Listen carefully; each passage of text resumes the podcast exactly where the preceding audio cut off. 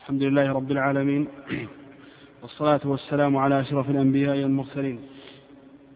نبينا محمد وعلى آله وصحبه أجمعين.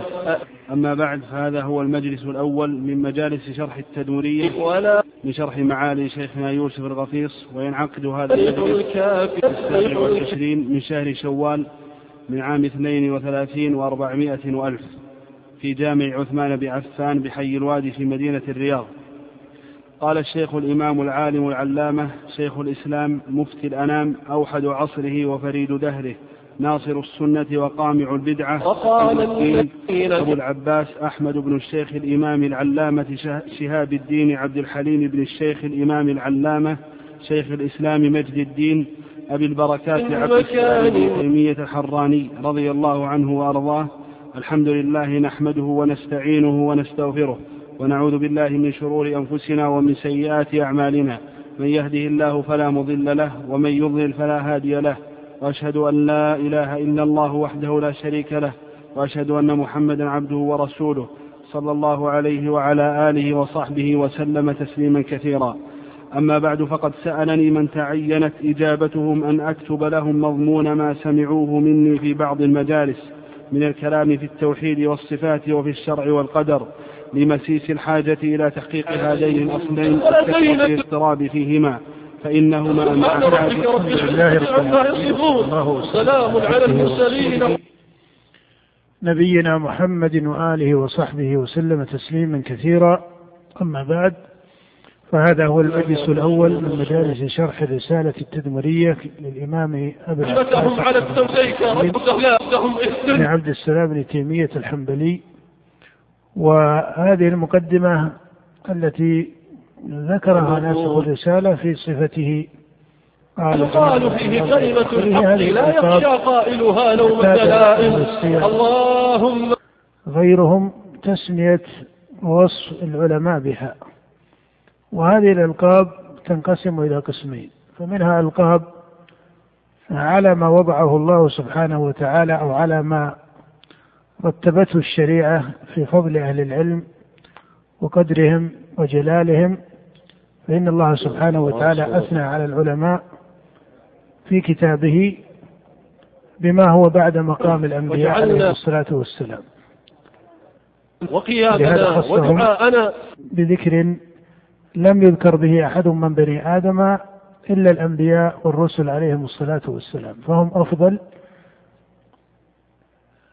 باعتبار ما هم عليه من العلم الذي أريد في الشريعة أن يكون علما قائما بالقسط وقائما بالعدل وهم العلماء الربانيون الذين استجابوا لله سبحانه وتعالى في فقههم للشريعة وفي حملهم لها وفي تبليغهم مخلصين الدين لله جل وعلا. فهذه الألقاب إذا وقعت على هذه الرتبة والموافقة فهي ألقاب صحيحة مقصودة وفاضلة. وقسم آخر من هذه الألقاب قد أشار الإمام ابن تيمية نفسه في بعض كلام له في غير هذه الرسالة إلى أنه قد حصل فيها في بعض أحوال من التاريخ وأشار الإمام ابن تيمية إلى أيام الدولة السلجوقية وبعض مراحل التاريخ إلى أنه حصل تزيد في هذه الألقاب. حصل تزيد وحصلت مبالغة في بعض هذه الألقاب وقال إنها ألقاب لم تكن العرب تعرفها وجاءت بالدول العج جاءت من قبل بعض الدول العجمية كدولة السلاجقة ومثل هذه الألقاب إذا طغت وزادت فلا تكون مما يقال حتى ولو كان من يوصف بها من العلماء. فإن النبي عليه الصلاة والسلام كما تعرف قد نهى عن الإطراء ونهى عن إطرائه عليه الصلاة والسلام فغيره من أمته من باب أولى. كحجة الإسلام وحجة الله وآية الله ونحو ذلك فمثل هذه الألقاب يكون فيها زيادة يكون فيها زيادة. فأما الألقاب العلمية كقولهم علامة أو الفقيه أو المحدث أو ما إلى ذلك فهذه ألقاب مقتصدة معتبرة. أما إذا صادفت قدرا من الزيادة آه، فهذه ينبغي الترك لها لما فيها من الإطراء الذي نهى عنه الشارع وبعضها يكون محظورا حظرا بينا صريحا لمنافاته آه، نصا أو حكما شرعيا بينا. الإمام ابن تيمية رحمه الله هو من أفاضل وكبار أئمة الدين الذين جاءوا في مرحلة من مراحل السعة في علوم الشريعة والانتشار للمدارس الفقهية والمدارس الكلامية. فجاء هذا الإمام العلامة محققا ومبينا لكثير من المسائل التي وقع فيها كثير من النزاع في مسائل أصول الدين. فجاءت طريقته طريقة آه، لها امتيازها من جهة ما نظره من العلوم فإنه عرف يعني الإمام ابن تيمية بسعة علمه ونظره في أقوال الطوائف وحسن جوابه بدليل الشريعة من المنقول. والمعقول وبحثه في مسائل الأصول على طريقة فيها امتياز بالغ.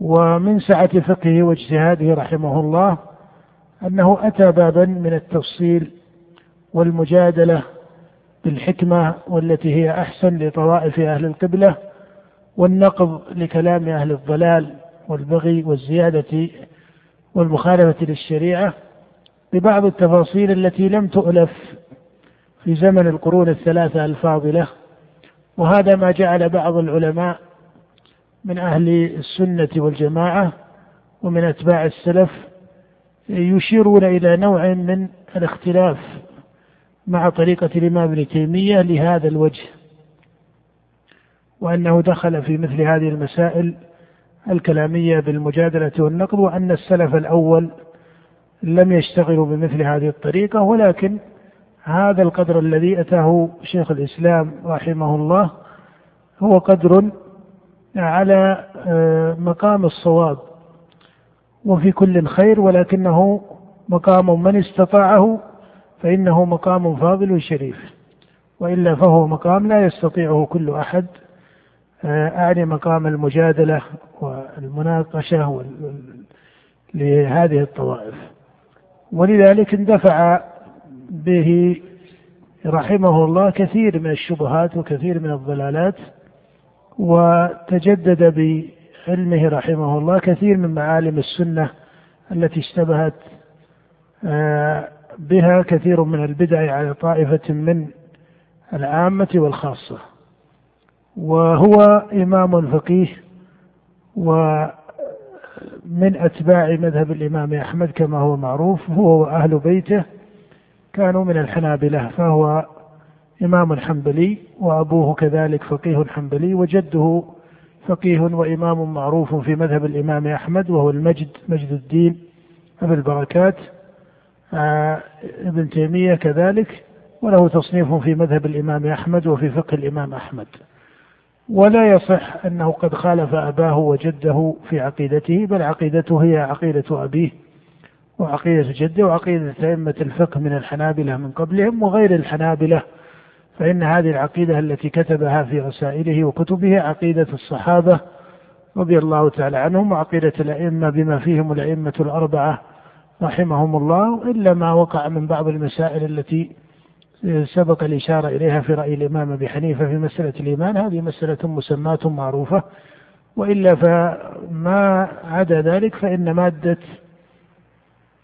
الاعتقاد عند الأئمة الأربعة ومن قبلهم من أئمة الدين هي مادة واحدة وقول واحد وهو ما كان في كتاب الله وسنة نبيه عليه الصلاة والسلام.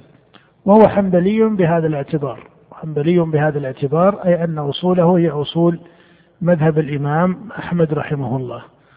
وبعض الناظرين في علم الإمام ابن تيمية رحمه الله تارة يشيرون إلى أنه ليس بحنبلي بعض من بحث في سيرته أو في علمه وهذا في الغالب ليس وجها سديدا من النظر بل هو حنبلي بمعنى أنه على أصول الإمام أحمد. وهذا معنى إضافة الفقيه إلى المذهب لأن المقصود من إضافة الحنبلي أو الشافعي أو الحنفي أو المالكي إلى مذهب إمام من هؤلاء هو أن أصوله أو أنه في أصوله على أصول هذا الإمام. ولا يلزم من ذلك أنه في كل مسائل الأحكام التفصيلية يوافق مذهب الإمام. ولا سيما في مذهب الإمام أحمد فإن ثمة فرقا بين ما هو قول للإمام أحمد قد قال به في بعض رواياته وبين ما هو اصطلاح المذهب الذي حررت فيه الروايات عن الإمام أحمد ووفق بينها ورجح بعضها على بعض وقيد بعضها ببعض. بما اصطلح عليه في المذهب كاصطلاح. وأنت تعرف أن اصطلاح المذهب عند المتأخرين انتهى إلى ما ذكره صاحب الإقناع والمنتهى. فهذا الاصطلاح إذا قارنته باختيارات الإمام ابن تيمية وجدته يوافق في مسائل ويختلف في مسائل. ولكنه يعني الإمام ابن تيمية لم يخالف المذهب بمعنى الروايات التي جاءت عن الإمام أحمد إلا في نزر من المسائل. وقد أشار هو إلى هذا إشارة مقصودة وبين أن كل قول قال به فإنه في الجملة فإنه في الجملة كما يعبر ويقصد بذلك في الأغلب الأغلبية المطلقة يقع للإمام أحمد فيه رواية. وقد أشار إشارة صريحة إلى هذا بأن ما رجحه فقد وقع له أن للإمام أحمد فيه رواية فلا يكون تاركا لسائر آراء الإمام أحمد إلا في مسائل نزر معدودة خالف فيها الإمام ابن تيمية رحمه الله الروايات عن الإمام أحمد وتارة خالف فيها قول الأئمة الأربعة.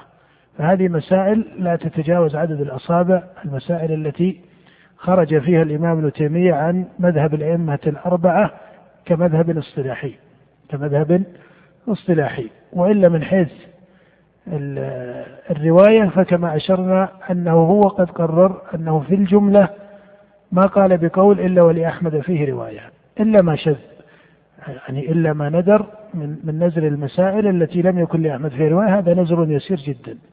فإذا أغلب آرائه رحمه الله أغلب آرائه رحمه الله الأغلبية المطلقة عنده عن الإمام أحمد رواية.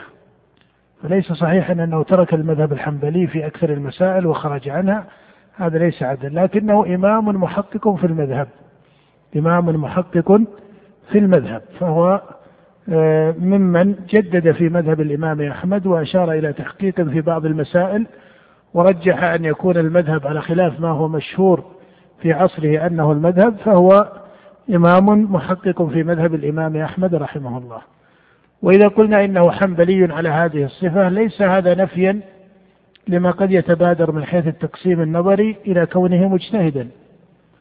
فإن هذا التقابل فيما يظهر لي ليس له اضطراد وهو أنك إذا قلت إنه حنبلي لم يلزم من ذلك أنه لا يكون مجتهدا في الشريعة أو ما هو معروف في الأصول بالمجتهد المطلق.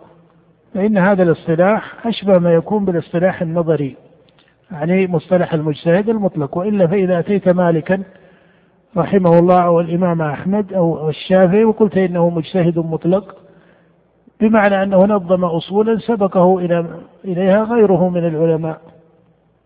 الشافعي جمع من علم الكوفيين وعلم أهل الحجاز وعلم أهل الحديث ما نظمه بمذهبه فصار جمعه هذا مذهبا فيما بعد وسمي الشافعي مجتهدا مطلقا. هو كذلك كذلك مالك لكنك تعرف أن مالكا سبق في هذه الأصول من أهل المدينة والشافعي سبق والإمام أحمد سبق من أهل الحديث وكذلك أبو حنيفة من أهل الكوفة وأهل الرأي.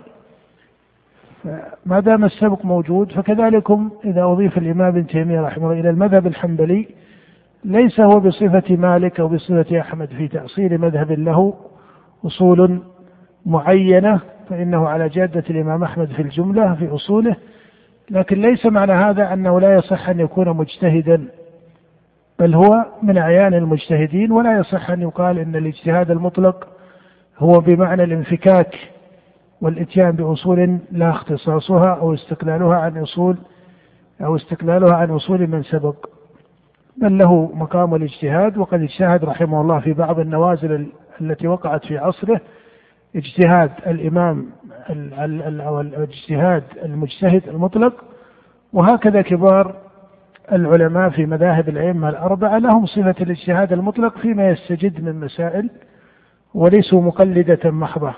أما أن يقال إن المجتهد يقابله المقلد فهذه قسمة نظرية ليس لها اضطراد هو مقلد باعتبار التقليد المشروع وهو الأخذ بما ظهر له في الأصول الشرعية أنها الراجح على مذهب الإمام أحمد ولكنه مجتهد بمقام مقابل وبهذا يمتاز المحققون من أتباع الأئمة الأربعة عن مقلدة الفقهاء الذين لم يخرجوا عن اصطلاح مذهبهم في عامة المسائل. وفي كل مذهب من المذاهب الأربعة يوجد أعيان محققون على نحو هذه الصفة التي أشير إليها. فليس بين المجتهد والمقلد هذا التقابل باضطراد. نعم. ثم أبان رحمه الله أنه سأله من تعينت إجابتهم أن يكتب لهم مضمون ما سمعوه منه رحمه الله في بعض المجالس. وسميت الرسالة بالتدمرية لأنها كانت جوابا لأهل تدمر وهي بلدة معروفة لا تزال قائمة بالشام لا تزال قائمة في بلاد الشام.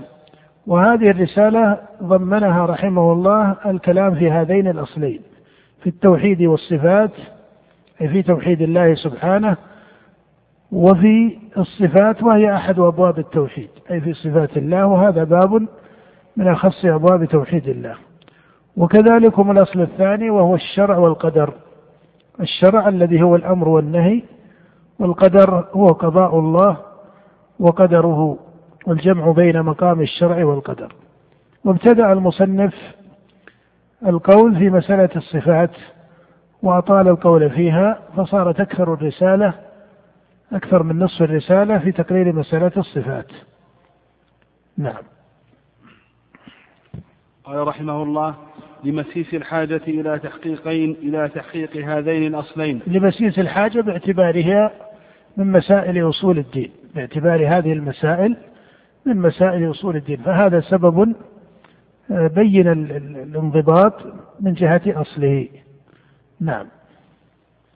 وكثرة الاضطراب فيهما فإنهما مع حاجة كل أحد إليه. وكثرة الاضطراب فيهما هذا سبب طارئ. وإلا في الأصل أن التوحيد والصفات والشرع والقدر أحكام بينة ظاهرة في كلام الله ورسوله. وإنما حصل الاضطراب فيما بعد أي بعد النبي صلى الله عليه وسلم بل وبعد صدر الخلفاء الراشدين. فإن مسألة القدر حدثت حدث القول فيها زمن الفتنة التي كانت بين ابن الزبير بين عبد الله بن الزبير وبين بني أمية بعد انقراض عصر الخلفاء الأربعة الراشدين. وذلك في أواخر عصر الصحابة.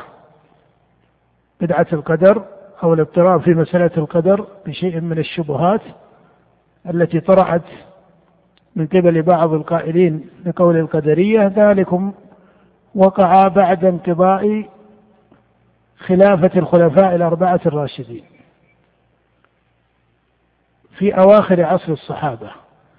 زمن الفتنة التي كانت بين ابن الزبير وبين بني أمية كما روى الإمام مسلم في أوائل صحيحه من حديث يحيى بن أبي كثير فيما حدث به ابن عمر رضي الله تعالى عنه. لما قيل له إن قوما قبلنا يقولون لا قدر إن الأمر أنف فقال ابن عمر إذا لقيت هؤلاء فأخبرني أنهم أني بريء منهم وأنهم مني براء ثم قال والذي يحلف به ابن عمر لا يقبل الله من أحدهم عمل حتى يؤمن بالقدر وفي وجه لو أنفق أحد مثل أحد ذهبا ما قبله الله منه حتى يؤمن بالقدر. فكان هذا في آخر عصر الصحابة. أما القول في الصفات بوجه من الاضطراب كما يشير المصنف في تعبيره فهذا لم يقع إلا بعد عصر الصحابة. فقد انقرض عصر الصحابة ولم يقع في باب الصفات بدعة واضطراب. والبدع التي حدثت في الإسلام كان أوائلها كان أولها ظهورا هي بدعة الخوارج. وبدعة الخوارج لم تكن في باب القدر ولا في باب الصفات بل في باب الإيمان. بل في باب الإيمان وما يتفرع عنه فإنهم فهموا مسألة الإيمان فهما غلطا وتفرع عن ذلك قولهم في مرتكب الكبيرة من المسلمين. فحكموا على مرتكب الكبيرة من المسلمين بالكفر وحكموا عليه في الآخرة أنه مخلد في النار.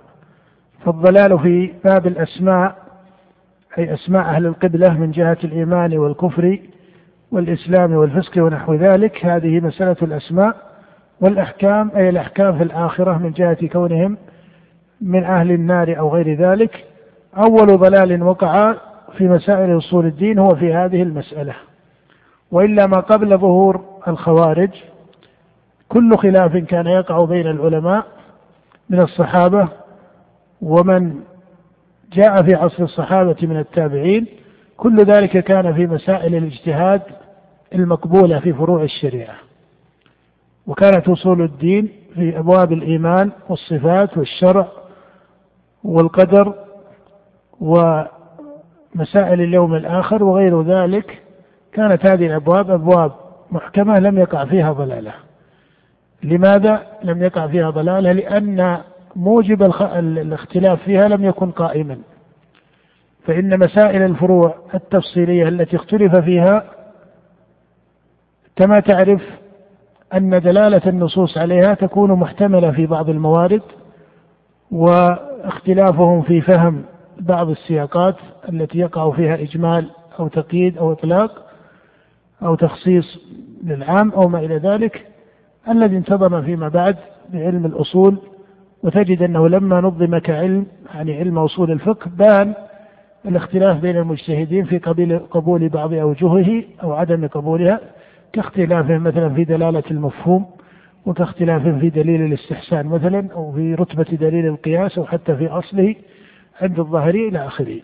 لكن في مسائل أصول الدين والعقائد لم يكن هذا السبب قائما لأن ما يكون أصلا من أصول الدين لا بد أن يكون دليله دليلا فصيحا صريحا بينا لا يحتمل تنوعا في الفهم. كالإيمان بالله وملائكته وكتبه ورسله واليوم الآخر وذكر أسماء الرب سبحانه وتعالى فهي الأسماء الحسنى. سميت في القرآن بأوجه من التفصيل هو الله الذي لا إله إلا هو الملك القدوس السلام إلى آخر السياق ولم يورد على مثل هذه المسائل من الصفات أو القدر أو أحكام المؤمنين في الآخرة. أو أحكام المسلمين في الآخرة أو في الدنيا من جهة لم تورد عليها أسئلة لأن النصوص فيها ظاهرة بينة لا تحتمل وجها من الاختلاف. لما جاء الخلاف في أصول الدين وهذا معنى لا بد لطالب العلم أن يفقهه لما جاء الاختلاف الذي بدأ بالخوارج الذين كانوا في خلافة أمير المؤمنين علي رضي الله تعالى عنه إنما خالفوا في مرتكب الكبيرة لأنهم أصلوا أصلا جديدا في النظر إلى مسائل الشريعة بعامة وهي عدم قبولهم لروايات الصحابة في مسائل الأصول. فتركوا العمل بالسنة هذا كنتيجة. فلما أسست الخوارج هذا الأصل وكذبوا كثيرا من روايات الصحابة ووضعوا فهما جديدا لقبول رواية الصحابي وهي أنها لا تخالف القرآن بفهمهم وإلا فروايات الصحابة ليس شيء منها يخالف القرآن لأن هذا كلام رسول الله وهذا قول الله وهو متجه على معنى متطابق ليس بينه اختلاف. لكن وضعوا لأنفسهم فهما في القرآن فجعلوا ما يخالف فهمهم هو مخالفة للقرآن. والحق أنه فهم لهم وليس القرآن. ومن هنا ردوا روايات الصحابة في أصحاب الكبائر.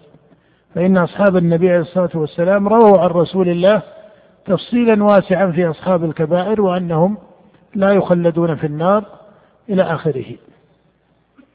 ولهذا جاء في حديث يزيد الفقير الذي رواه الإمام مسلم في صحيحه قال أصابني رأي من رأي الخوارج فخرجنا في جماعة ذوي عدد نريد أن نحج ثم نخرج على الناس. فجاءوا من العراق وأتوا المدينة ليذهبوا إلى الحج وبعد الحج يدخلون في خروجهم أو يشرعون في خروجهم. قال فأتينا المدينة فإذا جابر بن عبد الله جالس على سارية يحدث القوم عن رسول الله أي في مسجد النبي صلى الله عليه وسلم. فإذا هو قد ذكر الجهنميين أي ذكر من يخرجون من النار بعد أن يكونوا فيها من أهل الكبائر. قال فقلنا له يا صاحب رسول الله ما, ما هذا الذي تحدثون؟ والله يقول إنك من تدخل النار فقد أخزيته. كلما أرادوا أن يخرجوا منها أعيدوا فيها. هذا كان فهمهم لهذه الآيات أنه من يدخل النار لا يخرج منها. قال يزيد الفقير رحمه الله قال فرجعنا فلا والله ما خرج منا غير رجل واحد. أي أنهم ببيان جابر رضي الله تعالى عنه وحجته وعلمه بان لهم الحق فرجعوا عن ضلالتهم إلا من شد وهو ذلك الرجل الذي أشير إليه. القصد أن الخوارج أصلت هذا الأصل. وهذا كلام لا بد أن أقول أن يفهم فهما دقيقا. لماذا؟ لئلا يتوهم أن أصول الدين في الإسلام تقبل الاختلاف. لئلا يتوهم يعني دائما الفهم لمبادئ الأشياء. أنت لا تأخذ نهايات الأشياء. لابد تفهم بدايات الأشياء. الخوارج لو لم تؤصل هذا الأصل وهو ماذا؟ عدم قبول رواية الصحابة. إذا عدم قبول السنة. ما اضطروا آه، أو اضطرتهم الآراء فيما بعد إلى أن يقولوا بماذا؟ بهذه البدعة في مسألة أصحاب الكبائر بكونهم كفارا عند الخوارج أو مخلدين في النار في الآخرة. فكان فرعا يعني كان قولهم فرعا عن هذا التأصيل الباطل في هدم السنة أو إبطال دليل السنة وتكذيب رواية الصحابة رضي الله تعالى عنهم. إذا الخوارج لم تتأثر بدعتهم بمادة خارجة من علوم وفدت على الإسلام من خارجه. هذا وجه وغالب الخوارج من العرب في الأساس. الخوارج في أساسهم كانوا من قبائل عربية في أغلب الأحوال. لم يتأثروا بعلم سابق أي بفلسفة سابقة أو بآثار علوم سابقة قبل الإسلام كعلوم الفلاسفة أو غيرهم. إنما كانوا في الجملة على فهم العرب وهم يفهمون القرآن على فهم العرب في الأساس لكنهم هدموا أصلا من أصول الإسلام وهو حجية السنة. فكان هذا هو أصل الضلالة عندهم وهو الطعن في سنة النبي صلى الله عليه وسلم. فطعنوا في سنة النبي صلى الله عليه وسلم بتكذيب روايات الصحابة مع ما كان في نفوسهم من الجهل مع ما كان في نفوسهم من الجهل وكثير منهم كانوا من الأعراب وفي الأعراب كما ذكر القرآن أو ذكر الله في كتابه مادة من الجفاء وإلا لو تبينوا لوجدوا أن القرآن قد تضمن حكم أهل الكبائر بالتفصيل من جهة أسمائهم ومن جهة أحكامهم في الآخرة. لأنه لا يقال إن القرآن قد أوجب هذا السوء من الفهم عندهم ولكنهم نظروا إلى بعض سياق القرآن وتركوا العمل بالسنة ولم يتفطنوا لموارد سياق القرآن وإلا لو قرأوا القرآن قراءة متبينة مع أنهم كانوا عارفين بقراءته لكنهم لم يكونوا فقهاء فيه وإلا هم قراء فيه كما قال النبي تحقرون صلاتكم مع صلاتهم وقراءتكم مع قراءتهم مع ما وقع في نفوسهم من الشدة ومن الجهل ومن الجفاء ومن مادة الهواء فهذا أوجد لهم هذا اللبس وهذه الضلالة وهذه البدعة. وإلا حكم أهل الكبائر في القرآن من جهة الآخرة وفي الدنيا بين فضلا عن ما تضمنته السنة من تمام التفصيل والبيان آه، المتمم لما تضمنه القرآن أو أو المطابق لما تضمنه القرآن من البيان. وإلا ففي كتاب الله كمال في الهداية ولا يقع. أن أصلا من أصول الدين يقرر في السنة وما ذكر في القرآن. كل أصل فهو موجود في القرآن وموجود في السنة. وإنما قد يذكر في السنة مثال لم يسمى هذا المثال في القرآن. لكن أصل هذا الباب ونظائر هذا المثال مذكورة في القرآن. كذكر النبي صلى الله عليه وسلم لنزول الرب سبحانه وتعالى. فإنه من باب صفات الله. وباب صفات الله مذكور أصله في القرآن بمقام من التمام والكمال. ونظائر هذا المثال الذي سماه النبي صلى الله عليه وسلم من أفعال الله جل وعلا. نظائره مسماة في القرآن في مثل مجيء الرب. قال الله تعالى وجاء ربك والملك صفا صفا. فمجيئه القول فيه كالقول في نزوله سبحانه وتعالى. فإذا لا تتفرد السنة بأصل. لا تتفرد السنة بأصل بل الأصول حقها أنها بينة في الكتاب والسنة على تطابق في الدلالة بين هذا وهذا. وإلا فكما أشرنا أن هذا موجود في القرآن قال الله تعالى إن الله لا يغفر أن يشرك به ويغفر ما دون ذلك لمن يشاء. هذا إفصاح بحكم أهل الكبائر لأن ما دون الشرك ما هو؟ إن الله لا يغفر أن يشرك به ويغفر ما دون ذلك لمن يشاء. ما دون ذلك هي الكبائر والصغائر. والصغائر كما عرف أنها تكفرها موجبات كثيرة. فإذا الذي يوافي العبد به ربه وهو داخل في قوله ويغفر ما دون ذلك أي ما دون الشرك والكفر بالله. فهذا حكمها في القرآن في آية بينة. وكذلك من جهة الاسم. وكذلك من جهة الاسم. أن مرتكب الكبيرة لا يخرج عن اسم الإسلام ولا يخرج عن اسم الإيمان مطلقا. وإن كان يقيد ذكر الإيمان معه بحسب السياق كما سيأتي إن شاء الله. هذا بين في مثل قول الله ثم أورثنا الكتاب الذين اصطفينا من عبادنا. فبين الله أن المصطفين هنا على ثلاثة أقسام. قال فمنهم ظالم لنفسه ومنهم مقتصد ومنهم سابق بالخيرات فذكر الظالمون لأنفسهم في هذا المقام.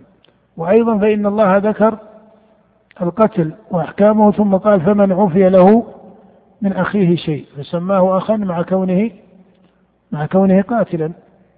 وإلى غير ذلك من الدلائل التي تدل على بقاء اسم الإسماء لهم كما هو مذهب جماهير المسلمين. إذا هذا أصل الضلالة هو الطعن في سنة النبي عليه الصلاة والسلام.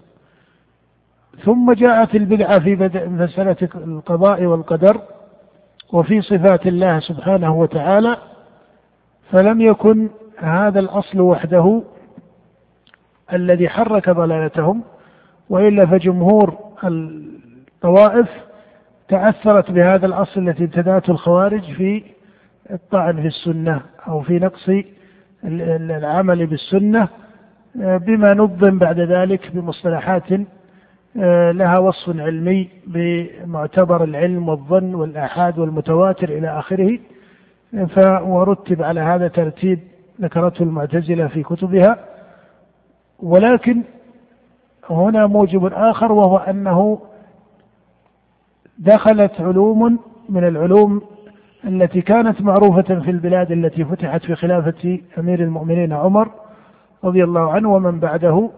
هذه البلاد التي فتحت بلاد العراق وبلاد الشام وما وراء العراق إلى آخره هذه البلاد لها علوم سابقة ولها ثقافات سابقة ولها ديانات سابقة فترجمت هذه العلوم وتأثر بعض المسلمين ومن عندهم ميل لهذه الثقافات ببعض الذين كانوا مقيمين على دياناتهم لأن العراق لما فتحت في خلافة عمر ليس معناه أن جميع أهل العراق دخلوا في دين الإسلام صار الأغلبية في الإسلام ولكن بقيت طوائف على مذاهبها وبعمل أو بسياسة المسلمين وحكمتهم وشيوع العلم وظهور نور الإسلام تقلص هذا الوجود إلى أعداد أو دوائر ضيقة جدا.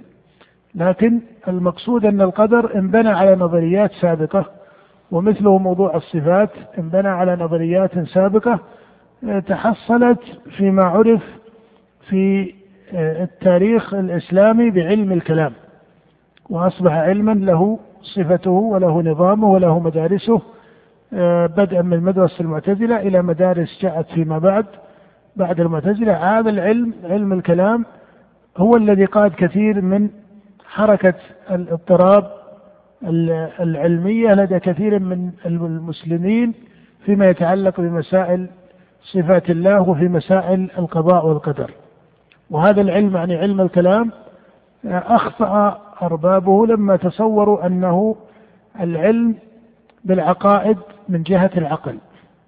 فإن المتكلمين وكثير من أهل التعاريف يعرفون هذا العلم بأنه العلم بالعقائد الإيمانية من خلال أو بواسطة الأدلة العقلية.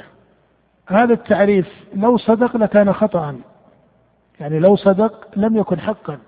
لأن العقائد الإيمانية لا يصح أن تعلم بماذا؟ بالدلائل العقلية مع وجود الكتاب والسنة. وذلكم أن العقل وإن كان موافقا للنقل إلا أنه ليس له صفة الاضطراد في معرفة الغيب. الغيب ينتهي دليل العقل إذا وصل إلى مرحلة الغيب الذي لا يعلمه إلا الله. فالعقل يدرك المحسوسات ويدرك الأمور بالقياس والتجربة ويدرك أشياء لكن ما يتعلق بالغيب في أفعال الله سبحانه وتعالى وفي قضاء الله سبحانه وتعالى كل هذا لا يحيط به لا يحيط به دليل العقل. فهو دليل قاصر وإن كان يصح مقامه في بعض الموارد.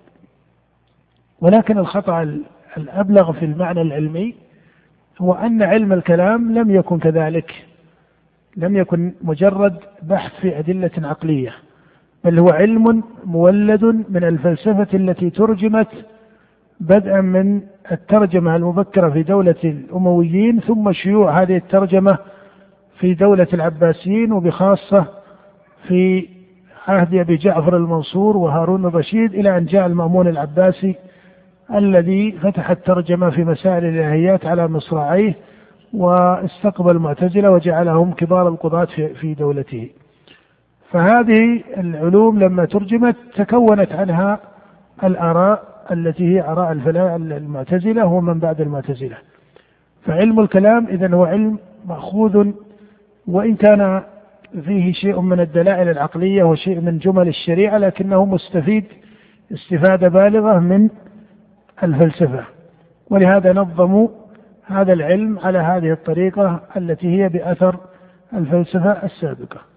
وبحثهم في الصفات هو بأثر هذا العلم كما سيأتينا إن شاء الله البحث فيه بشيء من التفصيل في صلب هذه الرسالة. نعم.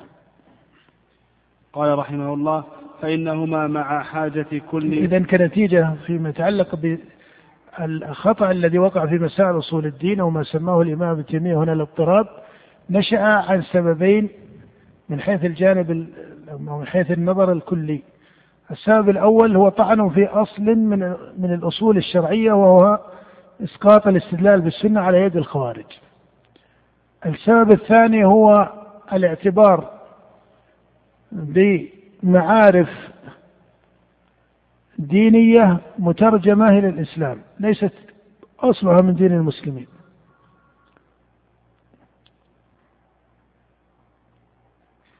فالقدرية بنوا على نظرية قوم قبلهم وكانت نظرية القدر مشهورة في قبل الإسلام. القول باستقلال العبد وحرية اختيار العبد حرية مطلقة إلى آخر. هذه نظريات كانت موجودة قبل الإسلام. ومثله ما قابلها النظرية الثانية التي قابلتها نظرية الجبر كما سيأتينا. هذه نظرية قديمة قبل الإسلام. الإشكال أن موضوع القضاء والقدر كمثال درس من خلال منظور علم الكلام. أول خطأ في منظور علم الكلام أنه يفترض أن تفسير أفعال العباد لا تقبل إلا إيش؟ إما أن يكون مجبورا وإما أن يكون إيش؟ له حرية مطلقة. فجعلوا النسبة ما بين نظرية الجبر ونظرية القدر القدر بمعنى نظرية القدرية التي هي الحرية المطلقة للعبد وأن الله لم يشأ ولم يخلق أفعال العباد. جعلوا النسبة بين هاتين النظريتين نسبة إيش؟ بالمنطق. جعلوها نسبة ماذا؟ نسبة تناقض نسبة تناقض. النقيضان لا يجتمعان ولا إيش؟ ولا يرتفعان فمن لم يقل بالجبر قال بهذه النظرية. هذا لبس في فهم المتكلمين بلا استثناء. هذا لبس وخطأ. ولذلك الرازي محمد بن عمر الرازي وهو من متكلمي من المتكلمين المتأخرين. الأصولي المشهور صاحب الكتاب المحصول في أصول الفقه وهو فقيه من فقهاء الشافعية وله علم معروف لا يجحد علمه. في أبواب كثيرة من الشريعة ولكنه متكلم على طريقة أبي الحسن الأشعري. الرازي مع كونه متأخرا وكونه منتسبا للسنة والجماعة ليس من غلاة المتكلمين كأعيان الجهمية وأعيان المعتزلة ومع ذلك يقول إن الأمم يقول الرازي يقول إن الأمم وضعت الحقائق والعلوم والمعارف حتى ألعابها. على هاتين النظريتين. من لم يقل بالجبر قال بإيش؟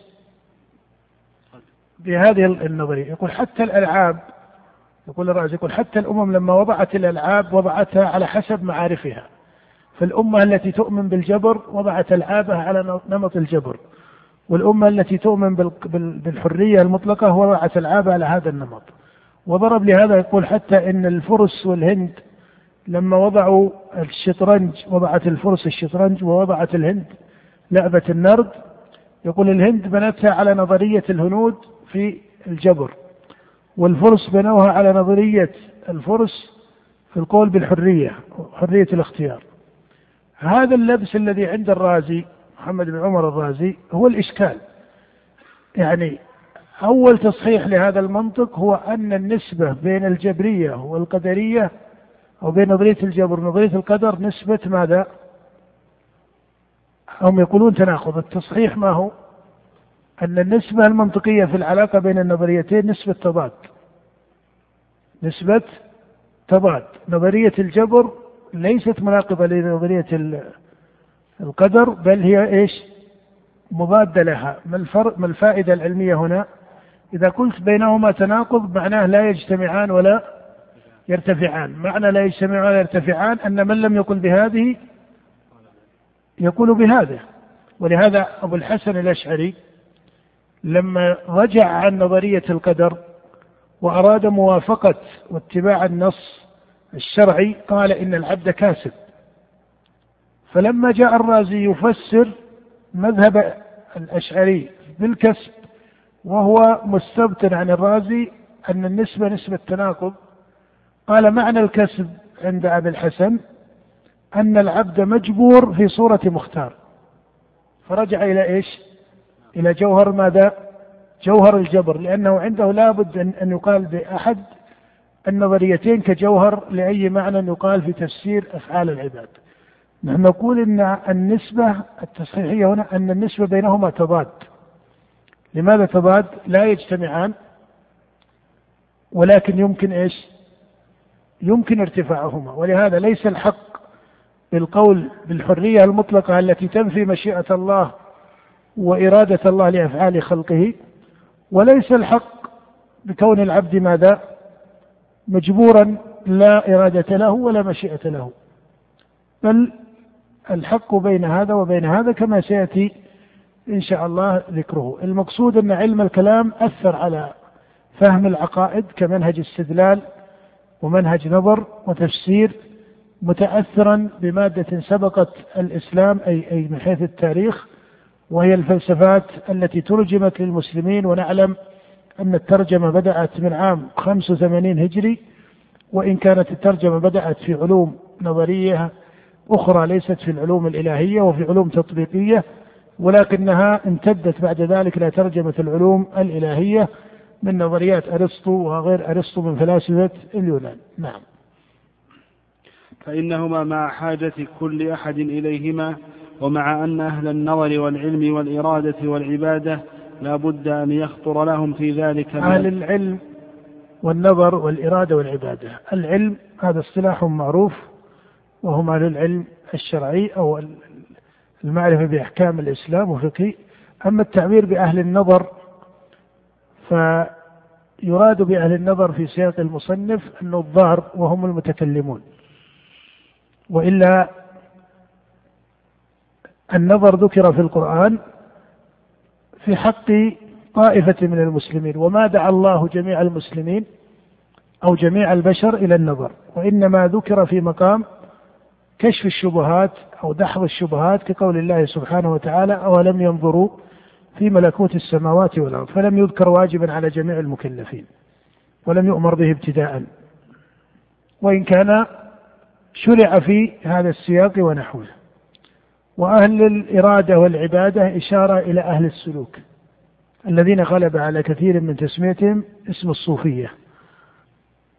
ويسمون بأهل الإرادة وأهل العبادة أو أهل الأحوال أو أهل التصوف وهذا الاسم عن التصوف اسم قديم ظهر زمن التابعين وإن اختلفوا في تسميته وسببه ولكن ليس كل من أضيف إلى الصوفية فإنه قد سمى نفسه كذلك فقد أضيف إلى الصوفية في بعض الكتب التي تكلمت عن طبقاتهم بعض أوائل العباد زمن التابعين الذين لم يكونوا يستعملون لأنفسهم هذا الاسم.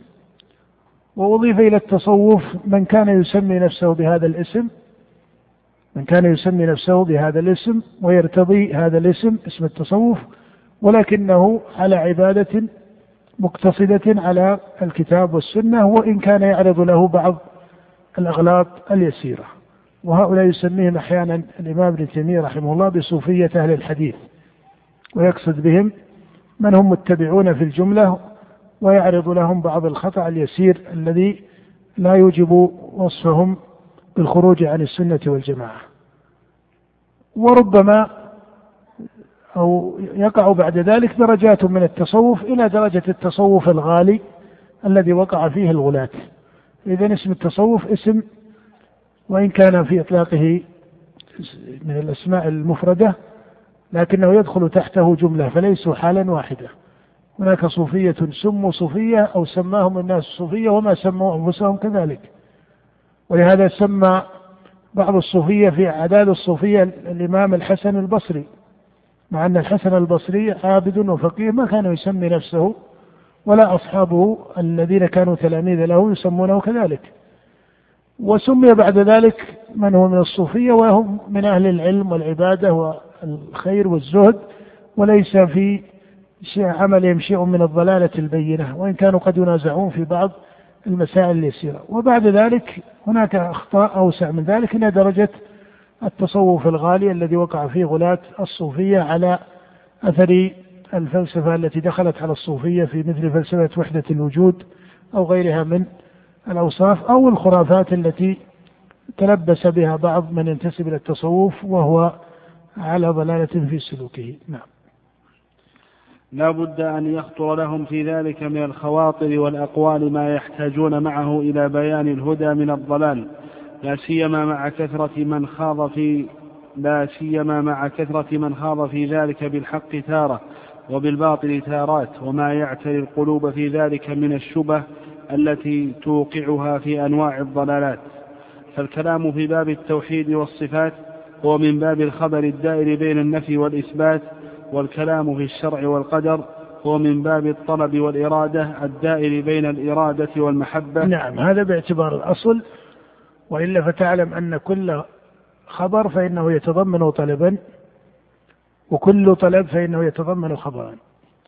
فالأخبار التي في القرآن هي خبر باعتبار سياقها. إذا قسمنا الخطاب في كلام في الكلام إلى أن الكلام ينقسم إلى خبر وإنشاء وهو الأمر والنهي وما إلى ذلك. فالخبر يتضمن طلبا من جهة الإيمان به. فقول الله سبحانه الرحمن على العرش استوى. هذا خبر وهو يتضمن طلبا وأمرا من جهة وجوب الإيمان به. وكذلك كل أمر في الشرع فإنه يتضمن خبرا من جهة تصديقه. ولهذا من صدق الأمر ولم يعمل به كان مؤمنا. لكن من لم يصدقه ولم يستجب له كان كافرا وكفره ليس لتركه الأمر المعين وإنما لتكذيبه الخبر الذي جاء بتشريعه. وإنما لتكذيبه الخبر الذي جاء بتشريعه. فإذا مثل قول الله يا أيها الذين آمنوا كتب عليكم الصيام هذا أمر وتشريع. يا أيها الذين آمنوا إنما الخمر والميسر والأنصاب والأزلام رجس من عمل الشيطان فاجتنبوه. هذا تشريع بالأمر. وأمر الله سبحانه وتعالى باجتناب هذا أو بفعل هذا من الصيام. ولكنه يتضمن خبرا من جهة أنه يجب التصديق بهذه الآيات. ولذلك من آمن بهذه الآية في تحريم الخمر ولكنه شرب الخمر لا يقال إنه كذب القرآن. أليس كذلك؟ بل هو بالإجماع يكون مسلما ولكنه أتى كبيرة. إذا كل خبر يتضمن أمرا من هذا الوجه وكل أمر يتضمن خبرا من هذا الوجه. نعم.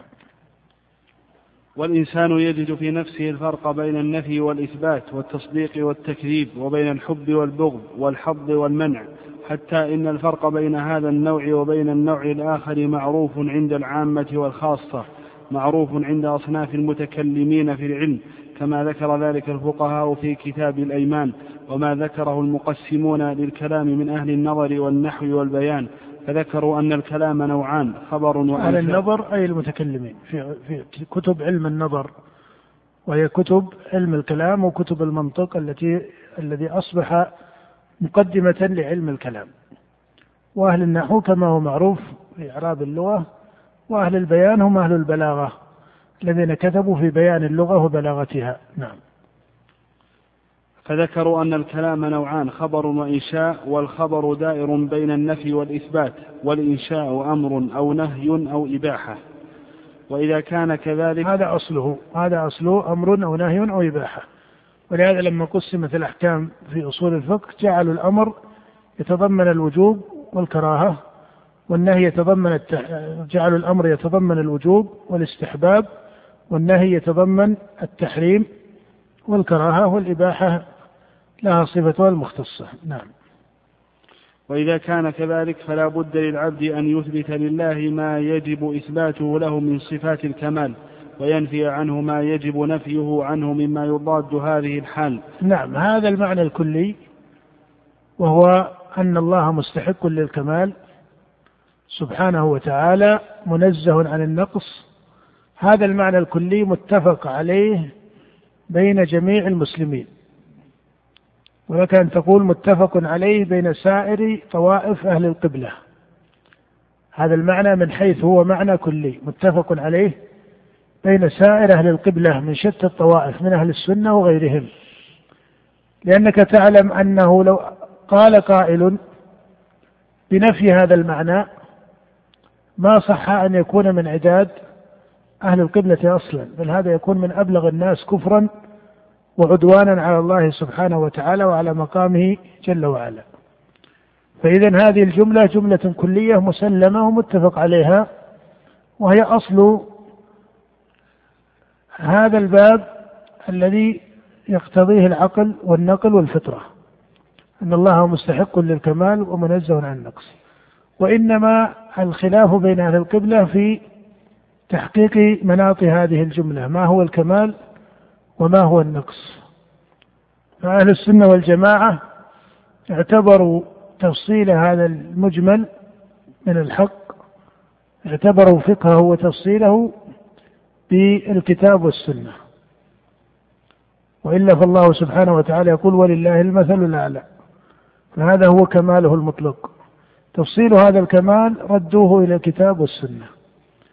الخطأ الذي وقعت فيه طوائف أهل الكلام أنها اعتبرت بالمقام الأول تفسير هذا المجمل بقواعد علم الكلام الذي أحدث في تاريخ المسلمين.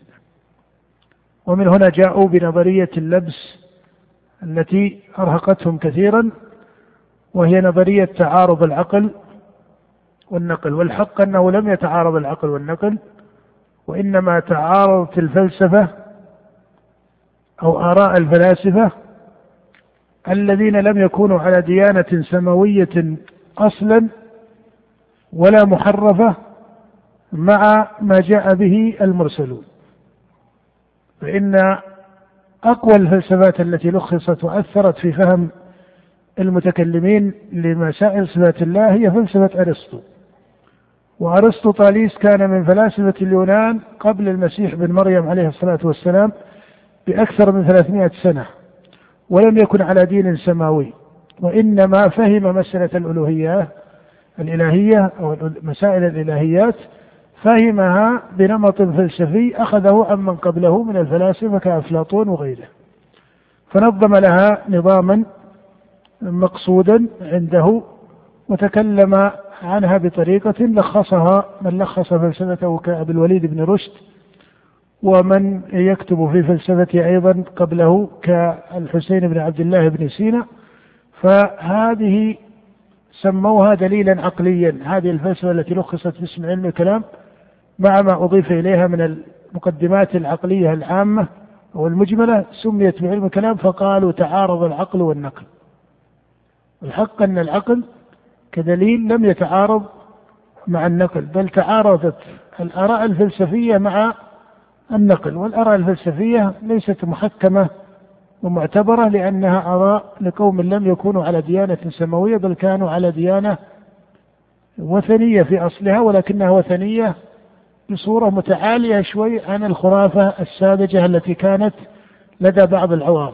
بس ولا نعرف أنه حتى في تاريخ العرب أن عبادة الأصنام دخلت جزيرة العرب من الشام ومستفادة من تلك الثقافات فكانت تؤمن بتعدد الآلهة عند كثير من اليونان ومن حاول منهم أن يصل إلى الأول الذي ليس قبله شيء انغلق عليه مسألة الأفعال والمفعولات ومن هنا كان أرسطو يقول بالأول الذي لا يصدر عنه أو يقول الواحد الذي لا يصدر عنه إلا واحد ويؤكد معه قدم المفعولات ولهذا لما جاء ملخصو فلسفته بشكل صريح كابن سينا وأمثاله قالوا بما عرف عنهم بمسألة قدم العالم. فالمقصود أن هذا اللبس الذي سموه تعارض العقل والنقل هو تعارض علم الكلام مع الدلائل النقلية. علم الكلام علم ملخص من الفلسفة ولا يستطيع الانفكاك عنها ولم يوجد قبل تعريب الفلسفة. وإلا فنعلم أن العرب في جاهليتها لما نزل القرآن مفصلا لأسماء الله وصفاته وأفعاله ولا سيما أن هذا هو الذي ذكر كثيرا في المرحلة المكية من حياة النبي صلى الله عليه وسلم. وحاول من حاول من العرب الذين كانوا مناوئين للدعوة النبوية وصف القرآن بشتى الأوصاف والبحث في شيء من ما يسقط قبول الناس له ومع ذلك ما انتهى نظرهم ومعاندتهم إلا بمثل ما ذكره الله من وصف النبي بأنه ساحر أو بأنه كاهن أو بأنه إنما يعلمه بشر وما إلى ذلك. وأنت تعلم أن هذه الأوصاف يعرف عقلاؤهم أنها أوصاف باطلة وأن النبي منها بريء. إن هذه أشياء محسوسة وظاهرة أنه بريء من السحر وبريء من الجنون وبريء عليه الصلاة والسلام من هذه الأوصاف الساذجة التي قالها بعض سفهائهم. السؤال المنطقي هنا أنه لو كان في عقول العرب إذا قلنا الدليل العقلي أن لديهم دليلا عقليا عارض خبرا من القرآن لبادروا في تكذيبهم للدعوة وللقرآن أنه يعارض ماذا؟ أنه يعارض إيش؟ أنه يعارض العقل وهذا ما تلبس به أحد من العرب أنه قال إن القرآن بأخباره معارض لما هو معروف في عقولهم إنما حاولوا أن يلبسوا الحق بمثل هذه الكلمات التي ذكرها الله عنهم نعم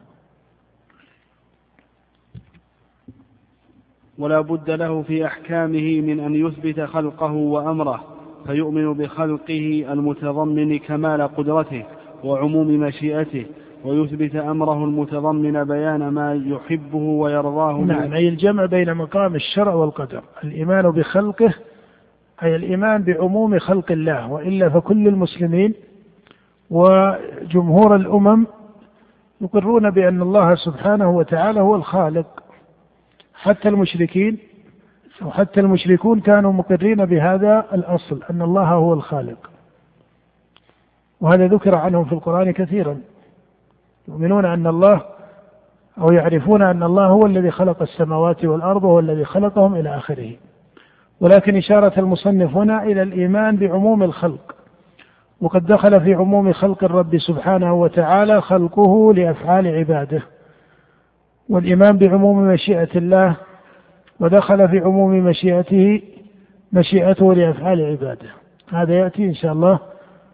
وكذلكم الإيمان بأمر الله وأنه لا حجة لأحد من عباد الله على الله سبحانه وتعالى. بل لله سبحانه وتعالى الحجة البالغة على خلقه. فأمره لعباده بالإيمان والطاعة والعبادة ونهيه سبحانه وتعالى عن الشرك والفسق والفجور ليس بينه وبين قدره السابق تعارض لأن قدره السابق جل وعلا هو علمه وهو مشيئته الشاملة.